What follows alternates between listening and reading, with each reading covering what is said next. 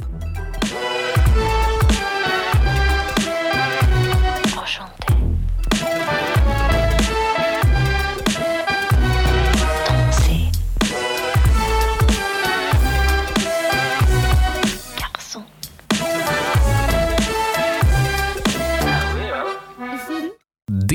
Börjar så sakteliga bli en torsdagstradition att Gata upp, gata ner podcast återvänder in i era lurar. Jag heter Vincent Messenger, med mig har jag Pontus Hammarkvist och Gata upp, gata ner podcast är alltså tillbaka för att kommemorera något så ovanligt 2022 som tre poäng för IFK Norrköping. Så därför är jag extra glad att den här dagen fråga dig Pontus Hammarkvist, hur är läget? Läget är fan bra. Alltså, det kan man inte ljuga om. Det känns jävligt skönt att ta tre poäng och det känns som att vi har pratat den här podden 2022 väldigt mycket förluster när det gäller tävlingssammanhang utöver, ja visst kuppen ett par gånger kanske Vincent, men utöver det så mår jag ganska bra. och Det känns väl givetvis skönt att eh, kunna surra ner tre poäng för en gångs skull och det betyder väldigt mycket. Även om det ska komma in på lite detaljer kanske som inte eh, ja, är sådär. Men tre poäng är mig fan alltid tre poäng som jag sa på läktaren när vi åkte från Kalmar sist och det var skönt att hämta med dem till Norrköping. Hur är läget själv? Jo då, men det är lugnt och det är ju så sant som du säger. Tre poäng är alltid tre poäng, precis som bortre krysset alltid är ledigt och så vidare. och så vidare. Klyschorna bara flödar. Ja, men det får de väl lov att göra. Det får man ju ändå säga att eh, det var en eh, välbehövlig vinst för kanske det kollektiva psyket i hela stan. Ja, kollektiva psyket hela stan, spelarna, ledarna, oss supportrar, men framförallt Rickard Norling va? Ja, jag var ju ganska tämligen säker på att han var körd om det skulle torskas mot Kalmar. Det pratade vi om sist. Så att eh, det, eh, han är nog väldigt nöjd. Han andades nog ut lite i omklädningsrummet på Guldfågeln efter, efter matchen i tisdags kväll. Ja, nu är det väl bara att hålla andan för honom igen för att det är ju dags att vara uppe på hästen här igen. Man har ju inte råd att liksom börja torska för mycket i rad igen. Nej, så är det ju. Och, Men eh, tämligen måste man ju ta tre poängare för att säkra sitt, sitt egna kontrakt också. Ja, nej så är det ju. Och det finns ju inga lätta matcher, framförallt inte när man har inlett som Peking har gjort. Men, eh, nej men eh, för att återknyta till din fråga hur läget var så är det ändå bra tycker jag. Jag eh, flyter fram genom veckan och eh, börjar ana valborg och helg, vilket känns skönt. Och Det känns extra härligt att också få sitta och podda med dig när du är lite glad för en gångs skull. Fan vad fint att du säger det. Jag vet ju att du gillar de här terapipoddarna ändå någonstans med. Att du gillar ju liksom att någonstans få mig att må lite dåligt och försöka lyfta mig. Men eh, den här veckan, det har väl gått så pass många veckor nu så att även du börjar väl tycka att det är kul att se lite glädje i mina ögon. Ja, alltså en riktig vän eh, gillar ju att se sina vänner lida. Det är också sen gammalt. Men Ja, så ibland så måste man eh, också kunna ge dem lite glädje. Jag ska inte ljuga, jag tycker det kan tycka likadant ibland faktiskt. Och fan. Mm. Ja, men du, eh, vi ska ju rulla in i den här podden och det kommer ju pratas en del Kalmar away. Du var ju på plats. Stämmer. Eh, Så ska vi snacka lite om din upplevelse om matchen. Eh, Det blir lite silly och sen så blir det lite IFK Dam som ju även de har haft en lite halvknackig säsongsinledning får man väl ändå säga. Ja, det har de. Eh, domarbeslut, olyckliga turer emellan, men framförallt svårt att göra mål. Ja, nej men så att det blir ju ungefär det som, eh, som ligger på bordet för idag. Jag tror att det kommer vara mer än tillräckligt för att eh, jag tror att många IFK vill nog gotta sig i den där trepoängen nere i Kalmar ändå. Det ska vi få göra tycker jag. Ja, nej men och sen hoppas vi kunna återkomma i helgen med ett inför Värnamo-avsnitt. Mm, det är tanken. Eh, där vi eh, får se om vi kan lyckas lösa kontakt med den gode Kim Hellberg eventuellt. Mhm. Och hans eh, Värnamo som ju tog sin första trepoängare här senast mot Degerfors. Ja, nej, jag ska jaga honom med blåslampan idag med eh, skicka massa sms och bara bomba honom så att han svarar. Ja, nej, men det vi, kommer säkert. vi får se. Om inte annat så får ni våra ljuva stämmer men vi hoppas kunna kanske få in Kim på ett litet hörn. Exakt. Eh, Men innan vi då dyker rätt in i Kalmar Away så ska vi ju pusha för vår sponsor Lokal Catering som ju är ett dundergäng nere på Stockholmsvägen som pysslar med både matlådor som eh, lunch, men framförallt kanske catering som är deras eh, stora S i rockärmen. Och nu när det vankas studenttider så kan det ju vara jävligt skönt att slippa stå och stånka ute i köket när ens kids har ett av sina största ögonblick i livet. Då kanske man bara ska vara med och njuta av det och låta lokal fixa resten. Det tycker jag. Riktiga dundergrabbar som du säger och perfekt läge också. Bara om man eh, nu efter coronatiderna bara vill dunka fram sin fest och inte tänka så mycket på det man fyller år eller ja, studenten som kanske är ett ypperligt tillfälle. Hör av er, gå in och följ dem på Instagram och Facebook och slå dem en signal eller glid förbi Stockholmsvägen vet jag så kommer ni få den bästa servicen ni kan få. Stort tack till Lokal Catering. Tack Lokal. Min första fråga till dig Pontus, som var i Kalmar eh, i tisdags. Var det så jävla långt till Kalmar som det brukar vara även i tisdags? Ja, ja typ. Jag tyckte att vi hade ett ganska skönt surr i bilen trots allt. Det är alltid roligt att åka ett gäng kompisar. Så att då känns det alltid som det går lite fortare. Men när man börjar tycka att så här, fan, ja, det är bara 13 mil kvar när man såg den där skylten. Och så bara, fan, det är rätt långt på den här jävla vägen. Så att jo, det var ganska långt dit. Det kan jag inte ljuga om. Det ska ju sägas, alltså, för de som inte är insatta, som kanske inte har varit i Kalmar och kollat på fotboll, så är det ju så att att den där jävla vägen, vad är det? E... Jag tror många har åkt den där tråkiga vägen. Vilken, alltså, vilken, E22. E22. Ja, usch. Alltså, den, den, är, den ligger i någon slags matrix när man kommer in i det här skogspartiet. Du vet vad jag menar? Det, det är så vidrigt för att man, allt ser likadant ut. Så det känns som att du bara åker och åker och åker och kommer ingenstans. Och sen när du tittar upp på skyltarna, när du har åkt i en halvtimme, så bara, men vänta, är det 127 mil kvar? Bara, vad fan är det här? Det är som att man har hamnat i någon slags motsats till warp speed och liksom bara ligger som man i och i trycker i bara. slow motion. Ja. Ja, men riktigt så här, lite, det kan nästan bli lite Twin Peaksigt liksom, när man åker runt i de där jävla, de där jävla barrskogarna. Ja, det är fan inte roligt. Alltså, det kan jag verkligen skriva under på. Det är, och framförallt att det inte finns någonting efter vägen. Eller? Det är liksom Västervik som är det närmaste och där måste du liksom svänga in. Typ. Det, är, ja, det är knappt mackar. Det är, det är verkligen ödemark. Så att, nej, resan hem var ju, hade ju inte varit skön alltså, om vi hade släppt den där eh, bollen i slutet eller om vi hade förlorat matchen. Det hade ju inte varit kul någonstans. Alltså, då hade det varit riktigt tunga mejl. Alltså.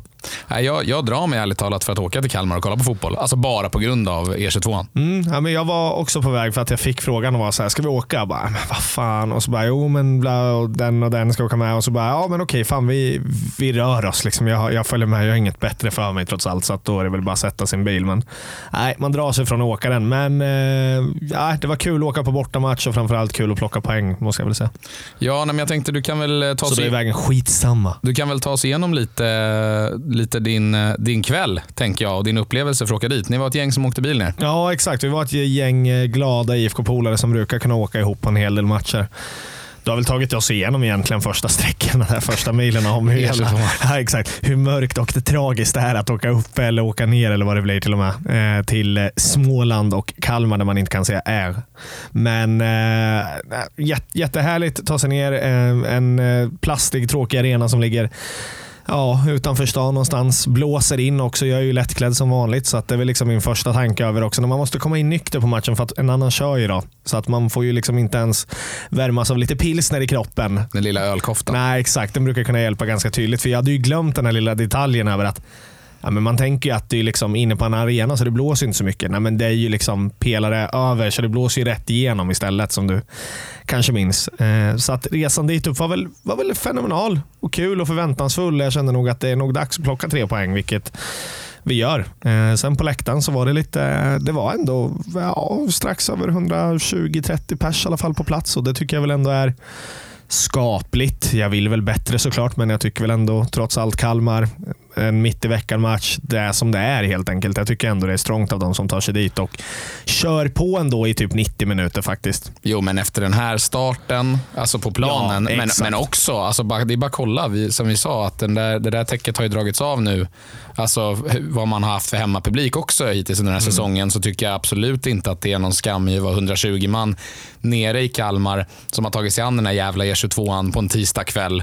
Där jag var helt säker på när vi poddade sist att eh, man vinner ju inte Kalmar. Det kommer man inte göra. Nej. Och Jag tror att många åkte nog dit med den, alltså kan, man kanske inte ville tro det, men med den känslan i kroppen. Och Då tycker jag ändå att så här, stort jävla, istället för att fokusera på att man kanske ville vara mer, fan stort Det är jävla klart man vill, det är så jag menar. Men jag tycker ändå att det är cred som du säger. Ja, men stort jävla cred till alla de som åkte ner. Om det var 120 eller 150 eller om det var 100, skitsamma. Men Ja, men det var där jävla, någonstans och svaja. jävla, jävla strångt tycker jag ändå av alla som tog sig ner. Ja, absolut. Och, eh, nej, men jag tyckte vi gjorde det vi skulle på läktaren. Jag är ju såklart den som inte längre är den som sjunger i kanske 90 minuter, men man sjunger när det är eh, i början och sen blir man liksom involverad i, i matchen på ett helt annat sätt. Så jag tappar det där lite ibland, men jag, jag måste ändå credda dem som är där och sjunger rätt igenom. Och vi får ju en ganska bra start på matchen tycker jag någonstans som jag gläder mig för. Alltså ska vi se det över 90 minuter som vi kommer göra i slutändan av den här podden så är det ju en tråkigare match, det håller jag med om. Men jag tycker ändå vi öppnar ganska starkt och att vi vill framåt och det är väl det jag tycker någonstans. Jag tycker att vi sårar backlinjen i Kalmar ganska mycket för att de känns inte riktigt på plats och hundraprocentiga den här matchen egentligen rakt igenom. Eh, det är väl i slutet vi liksom inte går mot dem egentligen och låter vi, vi testar dem inte och vi ställer inte frågorna, men när vi väl börjar ställa frågorna så är de ganska oroliga för hela den linjen, både med Levi, Eman och eh, Totte som, som sliter och drar. För han gör ett jävla jobb, även om han liksom inte är uppe i sin bästa prestation hittills i år alls egentligen, om vi bortser från Svenska Kuppen och liknande. Eh, Så att jag, jag tycker ändå att vi startar bra och vi får med oss 1-0 också, Vincent. Ja, nej, men- Viktigt, viktigt. Och Ja. där är ju en erofi i, eh, på bortastå. Verkligen. Och Det är ju så att Norling, vi pratade om det sist också, att vi frågade oss själva huruvida Norling kommer komma till en punkt där han kanske kliver ifrån eh, sin spelfilosofi och sin idealism för att plocka poäng.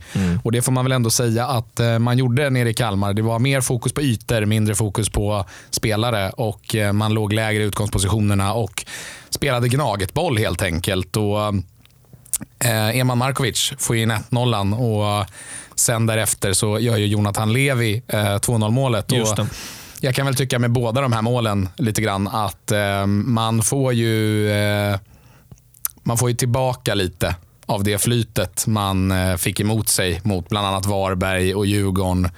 Att med 1-0 målet så är det ju, jag vet inte vad eh, försvarsspelet är från Kalmar där, men det är någon snubbling eller någon total Ja, på någon i mittbacken som Ja, snubblar runt och total hjärnvurpa. får den rätt på fötterna istället.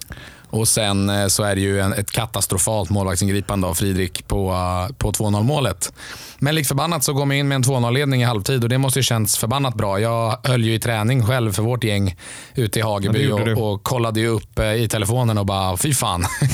2-0 i halvtid, okej, liksom, då åker vi. Så att, eh, men det får man ändå säga att den halvtidspausen måste ha känts ganska skön. Ja, det var första gången jag kände faktiskt en trygghet eh, när grabbarna går av plan. Att man inte är så här superstressad och nervös på läktaren. Sen inser man ju att man kommer komma dit ju längre matchen lider någonstans. Och, men jag tycker ändå, visst, Rickard Norling öppnar för att vi borde kanske haft 3-0 med oss och det kan jag väl hålla med om. Vi, vi öppnar ju den här halvleken, andra halvlek ganska starkt och bra någonstans. Men vi får ju komma ihåg att det är de första 3-4 minuterna det handlar om också och knappt det egentligen. Utan det är ju första 30 sekunderna och sen är det väl eh, Eman Markovic som har ett skott som styrs utanför. Och den, det är ju sådär ett mål, om man ska ha lite mer flax med sig, Eh, så ska det ju bli 3-0 och då ska man väl såklart ha stängt den här matchen. Men efter det så lutar vi oss tillbaka någonstans helt och som du är inne på också, min spontana tanke att man, man lirar den här gnaget-bollen som Rydström var ganska sur efter matchen också på Rickard Norling över att det är inte så här man ville spela, blaha blaha. Men vi sitter också i den pressen och då får man väl inse att man gör så. Sen tycker jag att det märks ganska tydligt på IFK Norrköping att man inte är van att spela den här fotbollen och att det sitter inte i våra väggar på samma sätt som det gör i, i, uppe i Solna. Och då, då har vi lite problem istället.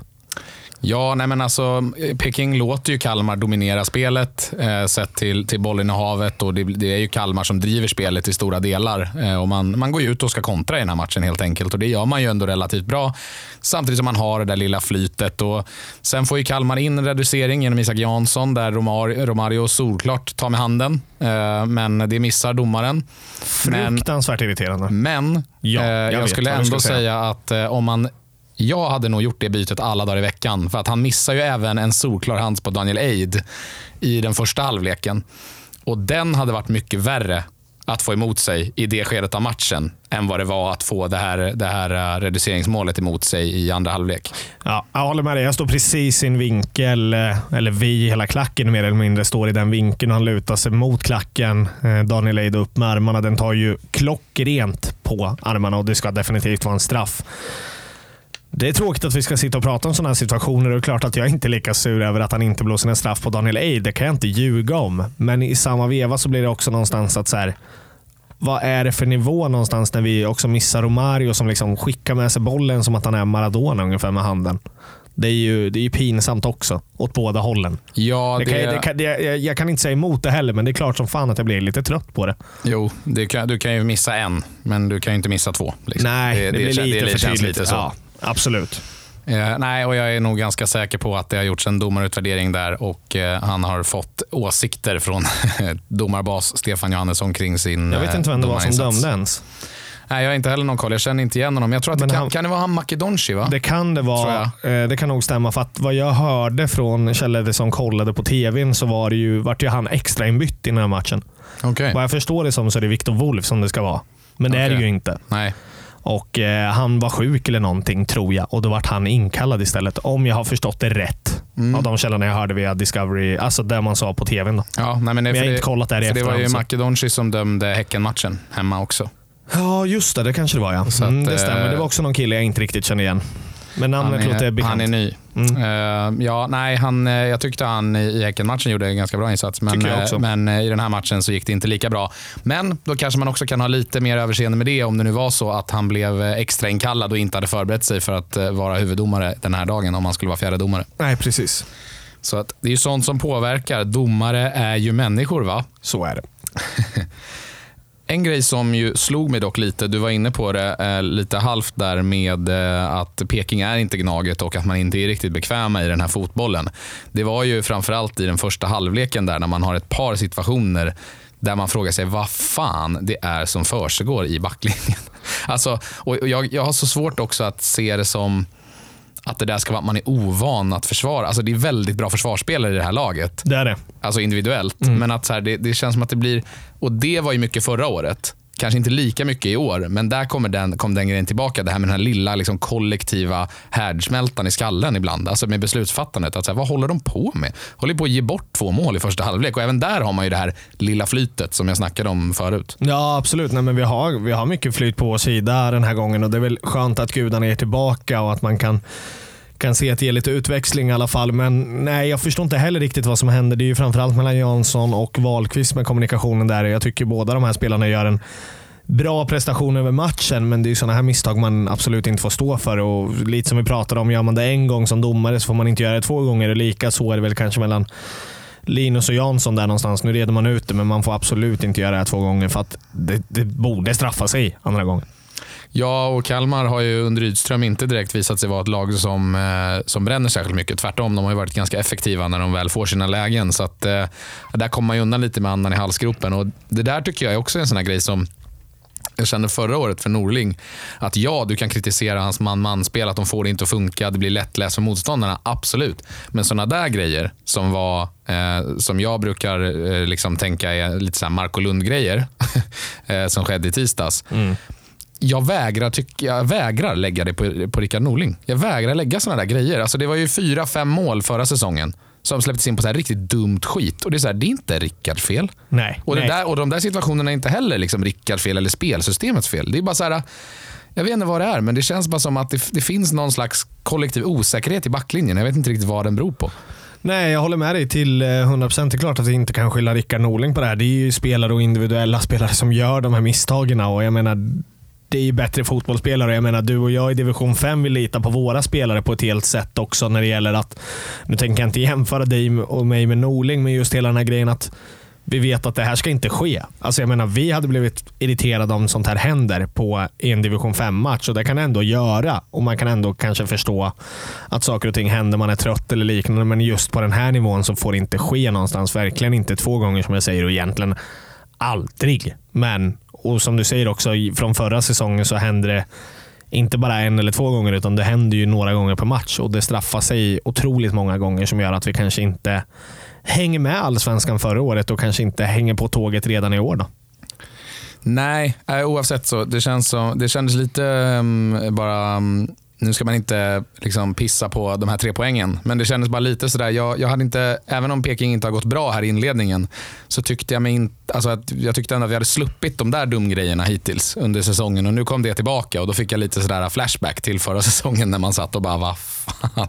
Eh, så jag hoppas att det är en engångsföreteelse och för att det kanske hade med att göra att spelarna var lite ovana vid att inte gå upp och pressa man-man utan ligga lägre och kontrollera ytorna.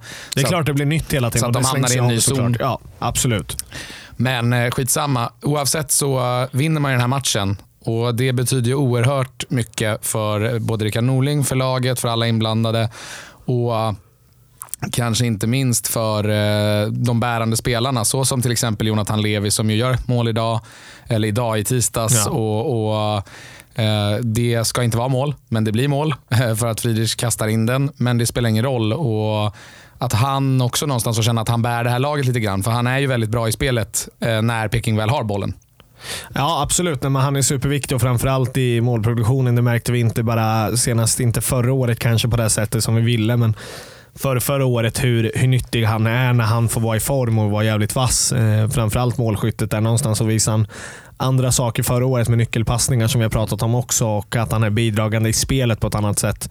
Jag tror att han bara gjorde ett mål förra året. Jag kommer inte ihåg Vincent, men eh, han gjorde inte så mycket mer. Jag tror han har dubblat sin målskörd redan i år om han inte har bara tangerat det redan i år på fem matcher. Och bara där någonstans så får man väl ändå prata om att det är en höjning på, i protokollet i alla fall, på, mål, på målskyttet redan här och nu. Och Det tror jag är superviktigt för Levi för att fortsätta kvar honom som den spelare han var förra året när han även såg bra ut så kan han göra mål på det också så kan det bli jättefint såklart någonstans i slutändan. Jo, men även få ett sånt där lite gratis mål och fortsätta bygga på den formen han någonstans har inlett. För att en, en Levi i bra form bäddar för en Totte Nyman som kan göra sitt första mål och komma in i sin form. Nära den här matchen. Ja, men det behövs brytas den där jävla torkan nu för att det är också en jättenyckel för om Peking ska börja ta treor. Absolut, så är det definitivt. Han eh, har inlett den här säsongen med att ha haft lite otur på linjen och inte fått in bollen nu senast och man har missat straffar. Det är klart att det sätter sig i Totte Nymans huvud, även om han är ultra professionell. Det ska vi också komma ihåg, men det är klart att det även sätter sig på den bästa spelaren också.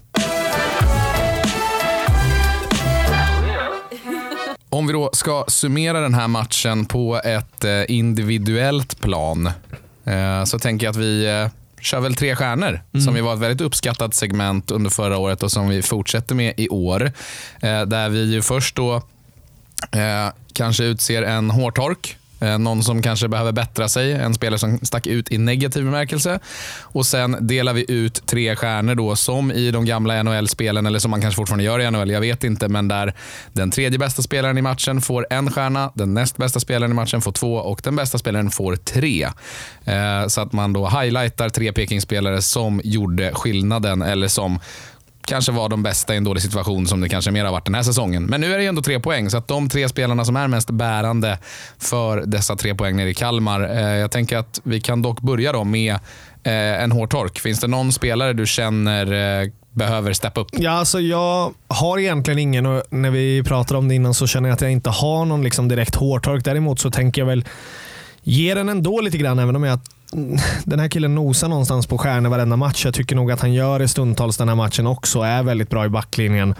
Men vi var inne på det med kommunikationen mellan Oskar Jansson, så tycker jag nog att han ska få den lilla hårtorken. Inte för att han har en dålig match över 90 minuter, utan beslutsfattande stunder av den här gången. Och Det är våran, våran kära kompis faktiskt, Linus Wahlqvist, som åker på den här gången. Och eh, Som sagt var, inte för att han gör det dåligt, utan jag tycker att han stänger typ eh, Simon Skrabb framförallt varenda gång i första halvlek när det är på väg att hotas. Men de här små misstagen mellan Oskar Jansson och han får inte uppstå. Nej, det, kan, det, kan, det kan kosta matcher, så det, ja. blir, det blir kanske inte... Och nu den... gjorde det inte det den här gången, Nej. så det blir inte den här superhårda hårtorken som vi ätit ut tidigare. Men, eh, jag tänkte precis säga, det, det, det är inte... Det är en snällare hårtork. Det är inte orkanklass på den, utan det är mer lilla, lilla, lilla vänskapliga klappen på axeln och säga att eh, bättre nästa vecka. Ja, men lite så faktiskt. Nej, men det, det är inte, inte jättebra. Det tror jag nog att Linus inte heller tycker ihop med Oskar Jansson, hur de kommunicerar. Men jag, jag lägger det på honom faktiskt den här veckan. Vem eh, får, den, eh, vem får en stjärna? Den ja. tredje bästa Peking-spelaren i tisdags. Nej, men det är ett litet flaxmål. Vi har pratat om honom en hel del, om hur viktig han trots allt är. Det är Jonathan Levi någonstans tycker jag som förtjänar den stjärnan den här matchen. Ja, nej men och det kanske också alltså, byggs ju på också utifrån att han är väl kanske den spelaren som har stått ut mest under en dålig säsongsinledning. Absolut, ja men verkligen. Han eh, liksom lyckas göra mål den här matchen med och ser väldigt spelsugen ut och kommer till mycket lägen via honom någonstans också. Eh, han hittar ut på Daniel Eid ett flertal gånger. Kommer inte ihåg, men jag tror till och med att han är delaktig i första målet. Även om det inte är han som slår sista passningen så är det liksom öppnar upp jävligt mycket ytor och hittar de där eh, passningarna också någonstans. Och Sen får han med sig lite turligt ett, eh, ett 2-0 resultat också. Så att, nej, jag, jag, tycker att han förtjänar tre stjärnor den här matchen. Två stjärnor. Det går till, ja såklart, alltså vi kan inte peta honom från tronen. Han är nosar på tre stjärnor. Men det finns en som eh, står ut den här matchen och räddar oss. Eh, Abdul Rashak Ishak får två stjärnor. Spindeln i nätet. Slottrar runt som en, eh, som en gräsklippare som kör sig själv. Ja, han är helt, helt otrolig. Alltså. Det, det är också därför man någonstans med honom, när han gör sina bra matcher och han fortsätter göra dem, det är att man vet att om det kommer till en kontring eller någonting händer. Nu kan ju han ha lite problem i sista beslutsfattandet ibland, men där kan det hända saker. Han kan vänd, verkligen vända på spelet från ingenstans. När man minst anar det, vinna tillbaka bollen och sen ha hitta öppna ytor. Det är bara just det där lilla sista beslutsfattandet. Då tycker jag ändå någonstans att han eh, inte missar den här, de här gångerna. Nej, men en väldigt effektiv spelartyp att ha just när man kontrar också med sin, med sin pace och kunna bryta linjer. Men också, På mittfältet också. Men, men också mm. när man försvarar, även om man kanske inte alltid är den positionsstarkaste när han står still. Men att han kan ju flytta, du kan ju flytta över en press väldigt fort från kant till kant när du har en spelare som Ishak för att han är så pass snabb och dynamisk som han är. Mm, absolut, absolut. Nej, så Abdul Rashak Ishak får två stjärnor den här matchen. Och vem är Pekings man of the match i tisdags? Nej, jag hintade ju lite. Jag sa att han räddade oss den här matchen. Eh, och Det är väl tydligt, för han står mellan linjerna. Den Oskar Jansson, målvakt, får tre stjärnor den här matchen. Jag tycker verkligen han eh, hade en jobbig säsong stundtals förra året, även om man såg lite glimtar ibland. Så tycker jag att han börjar höja sig den här, den här säsongen och, och framförallt mot Kalmar nu någonstans. Där räddar oss dels i slutminuten och jag tycker att han är ganska vass i sina parader någonstans. På linjen mellan stolparna. På linjen mellan stolparna, där hör han hemma. Ja, men det är kul för eh, Oskar också. Han verkar ju vara en, en riktigt eh, härlig kille vad jag har hört från folk. Och... Riktig lagspelare, märks på hans energi också när han går fram till klacken och vevar igång. Han, det betyder väldigt mycket för honom där att vinna fotbollsmatchen. Exakt, det, det känns också som att han är en av de killarna som liksom inte är från stan, som verkligen, som den här inledningen verkligen har tagit hårt på. Så att det känns kul att han får kliva fram och vara en av dem som faktiskt eh, liksom bärgar hem den där trean. Ja, verkligen. verkligen. Så stort grattis Oscar. Du är Peking-spelare of the week. Det är eh, tre stjärnor, det förtjänar du. Stor utmärkelse ändå. Tre stjärnor i Guggenpodd. Ja, verkligen. I avsnitt 141. Ja. Ehm, jag tänker att vi ska bara snacka lite kort om Silly. Det har ju eh, hänt lite grejer på ut, eh, utsidan. Eh, Theo Rask är klar för Västerås SK på mm. lån fram till sommaren. Och jag var lite förvånad över det, att det inte var över säsongen. Hur många matcher har de ens kvar till sommar? Ja, det är väl tajt spelschema, men jag antar att, ja, jag vet inte märkligt, jag håller med. Jag vet inte, Västerås sitter i någon slags kris heller och vi kanske inte vill släppa en spelare för länge. Men samtidigt kan man ju ersätta en Theo Rask också eh, i sommar om man skulle känna så. Så att, nej, jag vet inte, lite märkligt kan jag hålla med om, men det kan nog kanske vara smart. Man kan ju säkert förlänga det där avtalet om man känner för det. Man kanske inte vill skriva det för långt heller åt båda parter.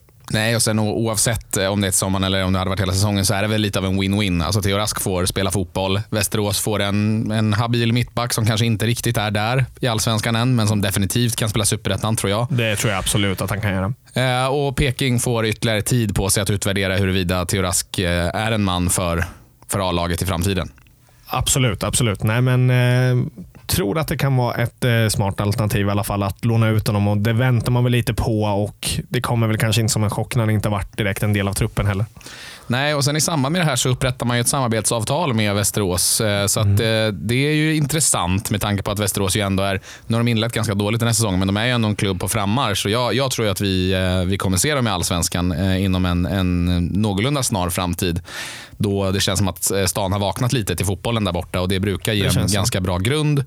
Eh, ändå relativt i geografiskt närområde tycker jag att det känns som en ganska bra samarbetsklubb. Ja, jag tänkte fråga dig där. Vad är, vad är dina spontana känslor som kanske har lite mer blick på Västerås fotboll än vad jag har?